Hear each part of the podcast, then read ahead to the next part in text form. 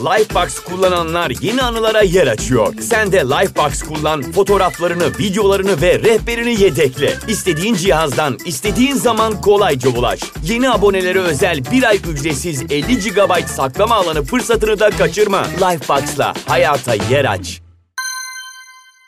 Genel Sesler Podcast'inden herkese merhaba. Ben Bilge. Nasılsınız? Umarım hepiniz çok iyisinizdir. Bugün sizlerle oldukça popüler bir konuyu konuşacağız. Mutluluk. Mutluluk hepimizin peşinden koştuğu ama sanki bir türlü tutunamadığı kaygan bir yüzey gibi. Ne yapıyorsak aslında daha mutlu olmak için yapıyoruz. Para kazanmak, kariyer yapmak, aşık olmak, güzel görünmeye çalışmak ve hep daha çok çalışmak. Ama gerçekten mutlu olabiliyor muyuz? Dalai Lama'nın dediği gibi mutluluk aslında elde edebileceğimiz bir şey değildir. Mutluluk bizim eylemlerimizden gelir. Hayata karşı memnuniyetimizi geliştirdikçe mutluluk da bizi takip eder. Bugün hakkında konuşacağım perma modeli de tam olarak bu düşüncenin üzerine kurulmuş bilimsel bir teori. Perma'yı geliştiren kişi aynı zamanda pozitif psikolojinin de kurucusu olan psikolog Martin Seligman. Seligman bu teoriyi kişilerin hayatlarındaki memnuniyet ve refah düzeylerini geliştirmek ve insanların dolu, anlamlı bir hayat sürmelerini desteklemek için oluşturmuş. Perma tabii ki de bir kısaltma. Bunu tek tek açıp her bir adımını hep birlikte konuşacağız. Ama başlamadan önce size bir soru sormak istiyorum. Mutlu olmak için nelere ihtiyacınız olduğunu düşünüyorsunuz?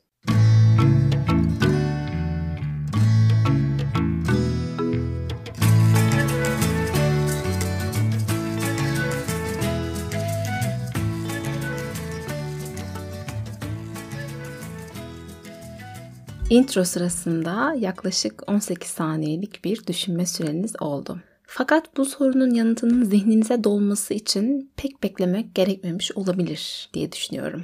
Çünkü çoğumuzun aklında bizi neyi mutlu edeceğine dair bazı fikirler zaten mevcuttur. Mesela benim aklıma ilk geleni dürüstçe sizlerle paylaşacağım. Böyle ormanlık bir yerde, kendime ait, kalabalıklardan uzakta, taş bir eve sahip olmak geldi aklıma. Bu gerçek olursa çok mutlu olacağımı düşünüyorum. Sizin aklınıza neler geldi? Gerçekten hiç bilmiyorum. Ama perma modeli bu hayalin gerçek olmasının beni mutlu etmeyeceğini söylüyor. Bakalım dinledikten sonra sizi mutlu edeceğini düşündüğünüz şeyler değişecek mi? Birlikte öğrenelim. Birinci maddemiz P. Positive emotions yani pozitif duygular. Buradan kasıt elbette ki anlık mutluluklar değil. Genel olarak baktığımızda hayatımıza olumlu duyguları getiren neler var? Bizi şu anda tatmin hissettiren, geleceğe umutla baktıran şeyler nedir? İyi hissetmek.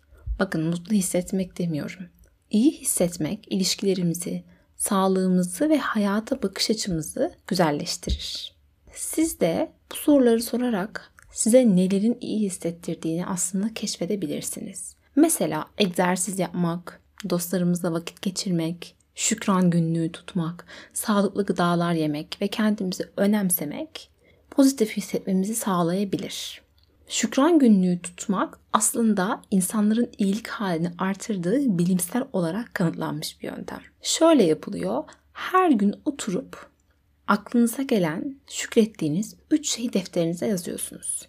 Sabah, öğle, akşam fark etmez. Bu çok basit bir şey olabilir. Yani kahvenin kokusunu duymak, güzel bir kahvaltı etmek ya da yürüyebiliyor olmak.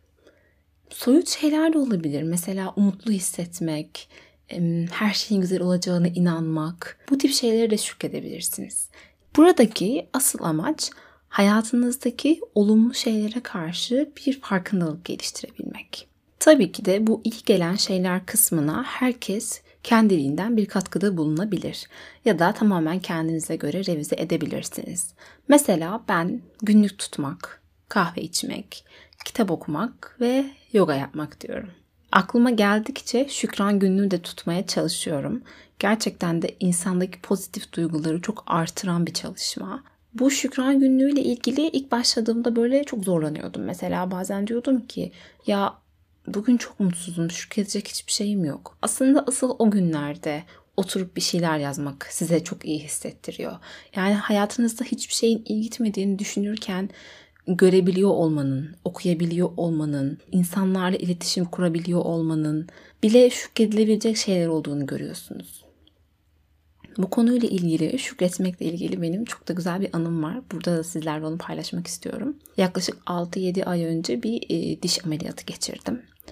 Zor bir ameliyattı ve e, ameliyat esnasında bazı sıkıntılar da yaşadığımız için gerçekten ağzım çok fazla ezilmişti. Ağzımın içinde çok fazla kesik ve dikiş vardı. Ağzımı hiçbir şekilde açamıyordum. Hani bırakın yemek yemeyi açamıyordum dahi ve ağrılardan geceleri kesinlikle uyuyamıyordum. Günlerce pipetle beslendim. Geceleri uyumak için çok ağır ağrı kesiciler attım. Bir süre sonra hafiften iyileşmeye başladım. Ve bir gün mutfağa gittim. Böyle yumuşak bir ekmek parçasını ağzıma attım. Ve çiğnemeye başladım. O an ne kadar mutlu olduğumu size gerçekten anlatamam. Daha öncesinde bir şeyleri çiğnerken bunun şükredilmesi gereken bir şey olduğunu, bana ne kadar mutluluk verdiğini hiç düşünmemiştim. Çiğnemek çok normal bir şeymiş gibi gelirdi. Fakat uzun bir süre bu eylemi gerçekleştiremeyip sonrasında yapmaya başlayınca aslında ne kadar çok ihtiyacım olduğunu, bazı şeylerin şükretmem gerektiğini fark ettim. Eminim sizler de bundan öncesinde çiğnemenin çok önemli bir şey olduğunu düşünmemişsinizdir. Bazı şeylerin kıymetini anlayabilmemiz için öncesinde yokluğunu görmemiz gerekiyor. Biliyorum biraz klişe bir söz. Ama onların yokluğunu görmeden varlıklarını fark ederek de kıymetlerini bilebiliriz. İşte şükran günlüğü tam olarak aslında burada araya giriyor. Her gün sahip olduğunuz ve aslında görmediğiniz şeyleri farkına vararak ve en önemlisi her gün yeni yeni şeyleri bu şekilde bulup defterinize yazarak iyilik halinize büyük bir katkıda bulunabilirsiniz. Umuyorum ki bu bölümden sonra herkes bir şükran günlüğü tutmaya başlar. Gelelim ikinci kısma. Engagement yani akışta olmak demek. Akışta olmak demek kendimizi yaptığımız işte kaybetmek, tam anlamıyla o işin içerisinde var olmak ve saatlerin, dakikaların nasıl geçtiğini anlamamak demek.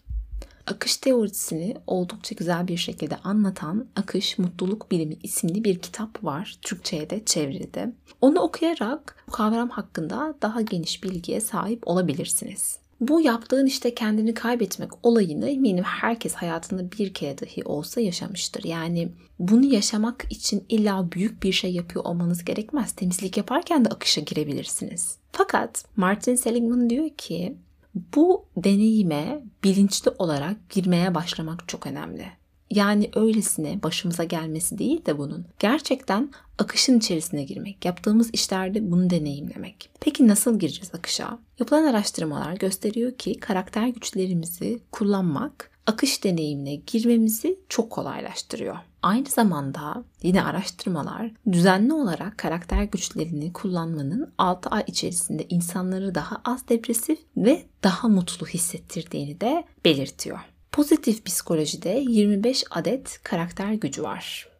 Kendi karakter güçlerinizi bulmak için podcast'in açıklamalar kısmına bıraktığım linke tıklayarak kendi testinizi yapabilirsiniz. Seligman her insanın sahip olduğu 5 tane top karakter gücünün olduğunu söylüyor. Yani hepimiz bu 25 karakter gücünden 5'ine oldukça güçlü bir şekilde sahibiz. Ve bunları kullanmak bizi yaptığımız işlerde daha üretken ve daha akışta kılıyor. Ben mesela bu testi yaptım ve kendi en önemli karakter gücüm öğrenme sevgisi çıktı.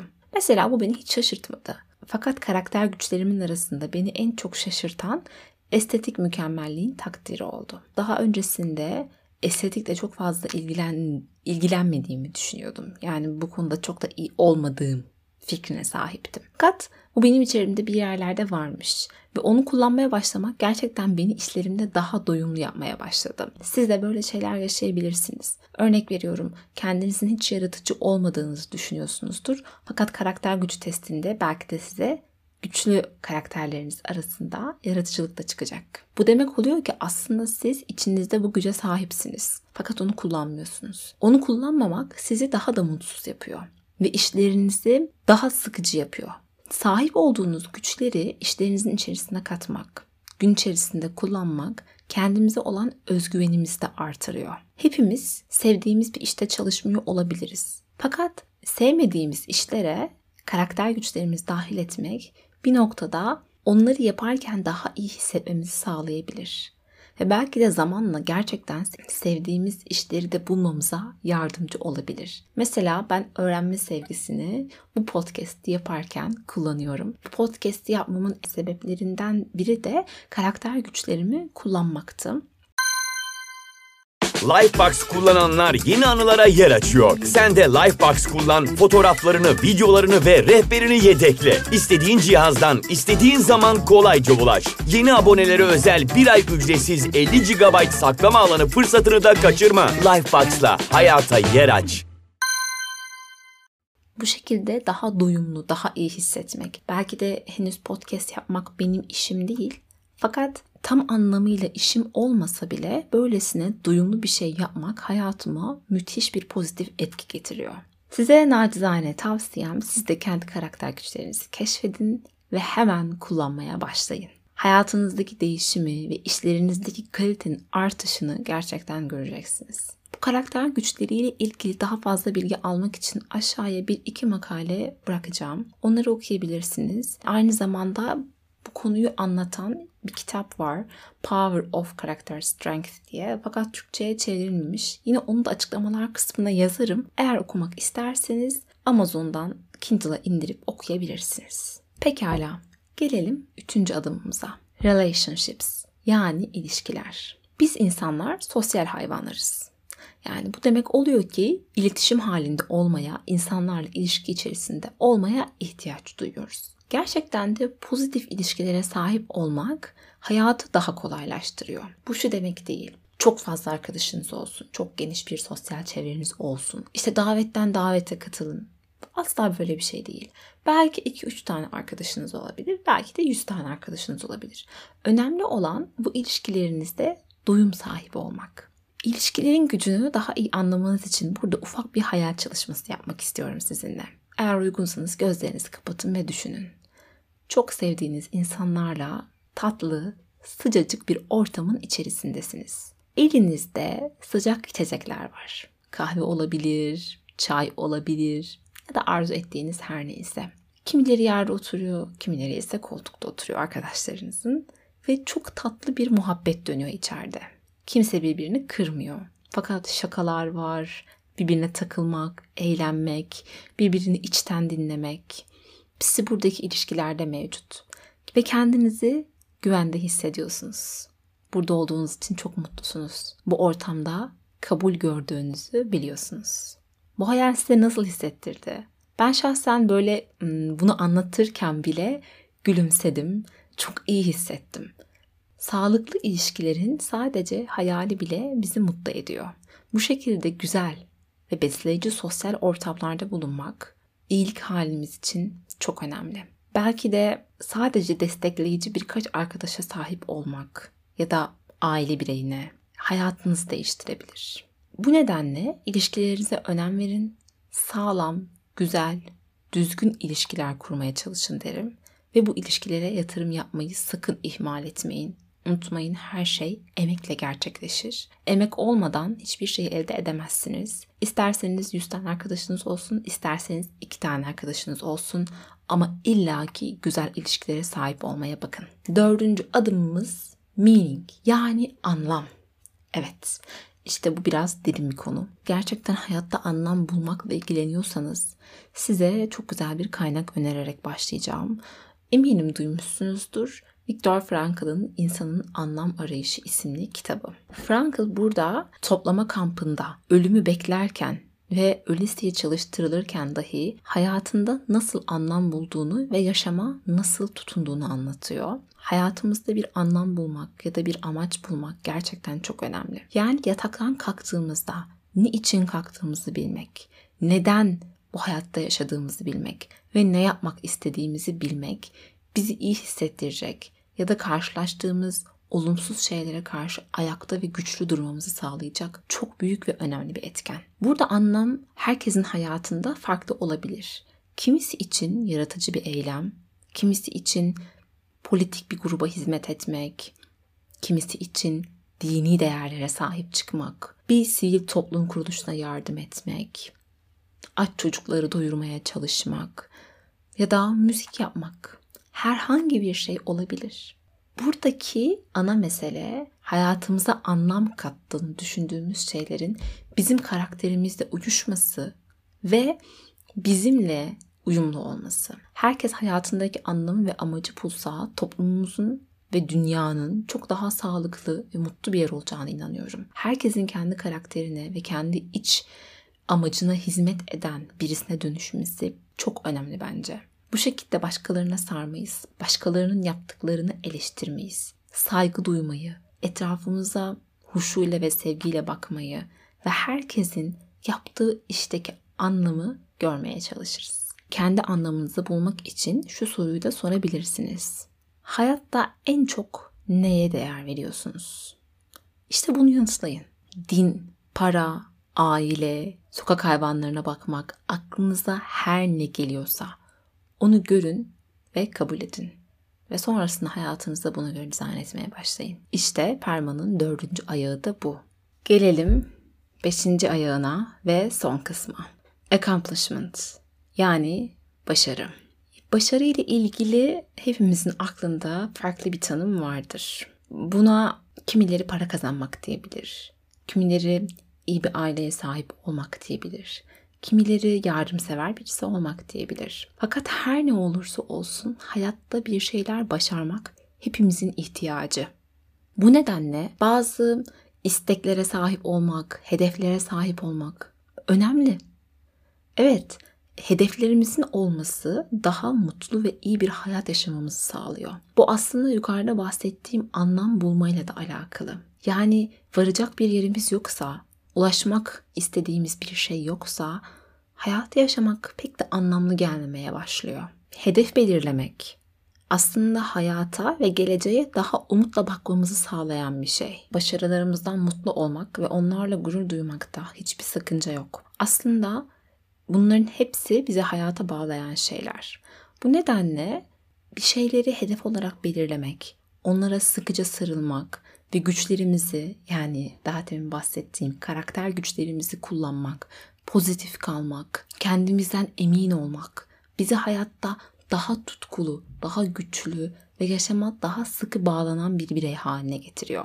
Bundan bir önceki bölümde hedef belirlemekle ilgili ve o hedeflere nasıl ulaşacağımızdan konuşmuştuk. Orada bahsettiğim iki tane yöntem vardı. Smart ve Whoop diye. O bölümü dinleyerek hedeflerinizi yeniden revize edebilir ve başarı oranınızı artırmak için neler yapmanız gerektiğini, hangi adımları takip etmeniz gerektiğini öğrenebilirsiniz. Pozitif psikoloji insanları daha çok başarılı olmak için cesaretlendirici de bir yapıya sahip. Başarı her zaman kolaylıkla gelen bir şey değil. Fakat optimist kalarak, ruhsal dayanıklılık yeteneğimizi geliştirerek ve kendimize inanarak ilerleme sağlayabiliriz ve hayalini kurduğumuz şeyleri başarabiliriz. Bu yüzden bu başarı kısmını kesinlikle es geçmeyin. Kendiniz için önemli olan ne varsa onu bulun, hedefinizi belirleyin ve oraya varmak için gereken şeyleri yapmaya başlayın. Bunu da sakın küçümsemeyin. Çünkü zaman ilerledikçe ve o arzu ettiğiniz şeyleri başaramadığınızı gördükçe depresyona girmeniz çok olası, mutsuz hissetmeniz çok olası. Daha iyi, doyumlu ve refah bir hayat yaşamak için bu adımı da ıskalamayın. Bilimsel bir mutluluk teorisi olan Perman'ın genel olarak tanımı böyle. Podcast'in açıklamalar kısmına bir link daha koyacağım. O linkten de kendi perma yani mutluluk skorunuzu ölçebilirsiniz. Sonrasında burada bahsettiğimiz adımları takip ederek hayatınıza daha olumlu şeyler katmaya çalışarak zaman geçirip yeniden bu testi çözüp kendi mutluluğunuzdaki artışı gözlemleyebilirsiniz. Tavsiyem bu testleri çözün. Hayatınızla ilgili biraz daha fazla içgörü geliştirmiş olursunuz. Kendi mutluluk oranınızı, hayata umutla bakma oranınızı ölçmüş olursunuz ve ve bu şekilde belki de neleri eksik yaptığınızı, neleri fazla yaptığınızı ya da neleri doğru, neleri yanlış yaptığınızı gözden geçirmek istersiniz. Bugün mutluluktan konuştuk. Ve bizi gerçekten mutlu edecek şeylerin neler olduğundan bahsettik. Her ne kadar böyle konuşsam da yine de bu yaşadığımız çağın bize dayattığı ve mutlu olacağımızı zannettiğimiz şeylerin hemen öyle kolaylıkla değişmeyeceğini biliyorum. İnanın ben de beni çok farklı şeylerin mutlu edeceğine inanıyorum. Burada anlatılanlardan farklı şeylerin yani. Fakat kendi bakış açımı değiştirmeye, mutluluk anlayışımı değiştirmeye çalışıyorum. Bence yaşayacağımız en büyük hayal kırıklığı bizi çok mutlu edeceğini düşündüğümüz o şeye ulaştığımızda aslında o kadar da mutlu olmadığımızı görmek. Bunları yaşamamak için hayatımızı daha iyi, daha pozitif, daha memnun geçirebilmek için bence perma modelini göz önüne alabiliriz diye düşünüyorum. Size yine en başta sorduğum soruyu bir kez daha sormak istiyorum. Bütün bunları öğrendikten sonra sizi nelerin mutlu edeceğini düşünüyorsunuz? Hangi çalışmaları yapmanın size daha iyi geleceğini düşünüyorsunuz? Biraz bence bu iki soruya vakit ayırın derim. Oturun hatta yazın, bunun üzerine düşünün ve hayatınıza daha fazla farkındalık ve mutluluk getirin diyorum. Genel Sesler Podcast'inin bir bölümünün daha sonuna geldik. Şimdilik kendinize çok iyi bakın. Bir dahaki bölümde görüşmek üzere. Hoşçakalın.